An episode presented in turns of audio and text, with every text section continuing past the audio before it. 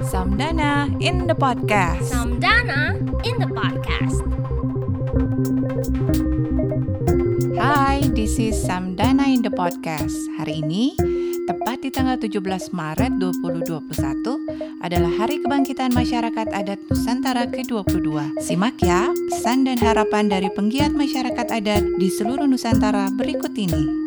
Ya, hari ini ya sekarang kita merayakan Hari Kebangkitan Masyarakat Adat Nusantara.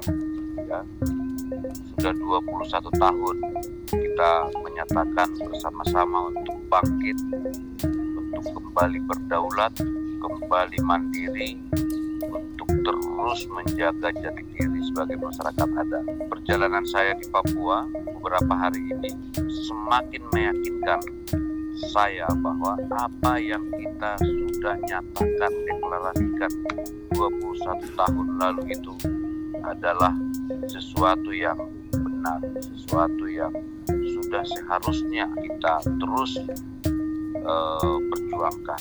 Di kebangkitan masyarakat ada tahun ini, menurut saya menjadi penanda bahwa uh, kedaulatan masyarakat adat akan memastikan kita keluar dari krisis yang sedang kita hadapi saat ini. Kebangkitan masyarakat adat akan terus berjalan. Saya tidak punya keraguan bahwa kita akan melewati segala tantangan yang kita hadapi saat ini, baik perubahan iklim, pandemi COVID, krisis air, krisis pangan, pemusnahan keanekaragaman hayati. Itu akan kita lalui dengan uh, mengandalkan kebangkitan masyarakat adat Nusantara.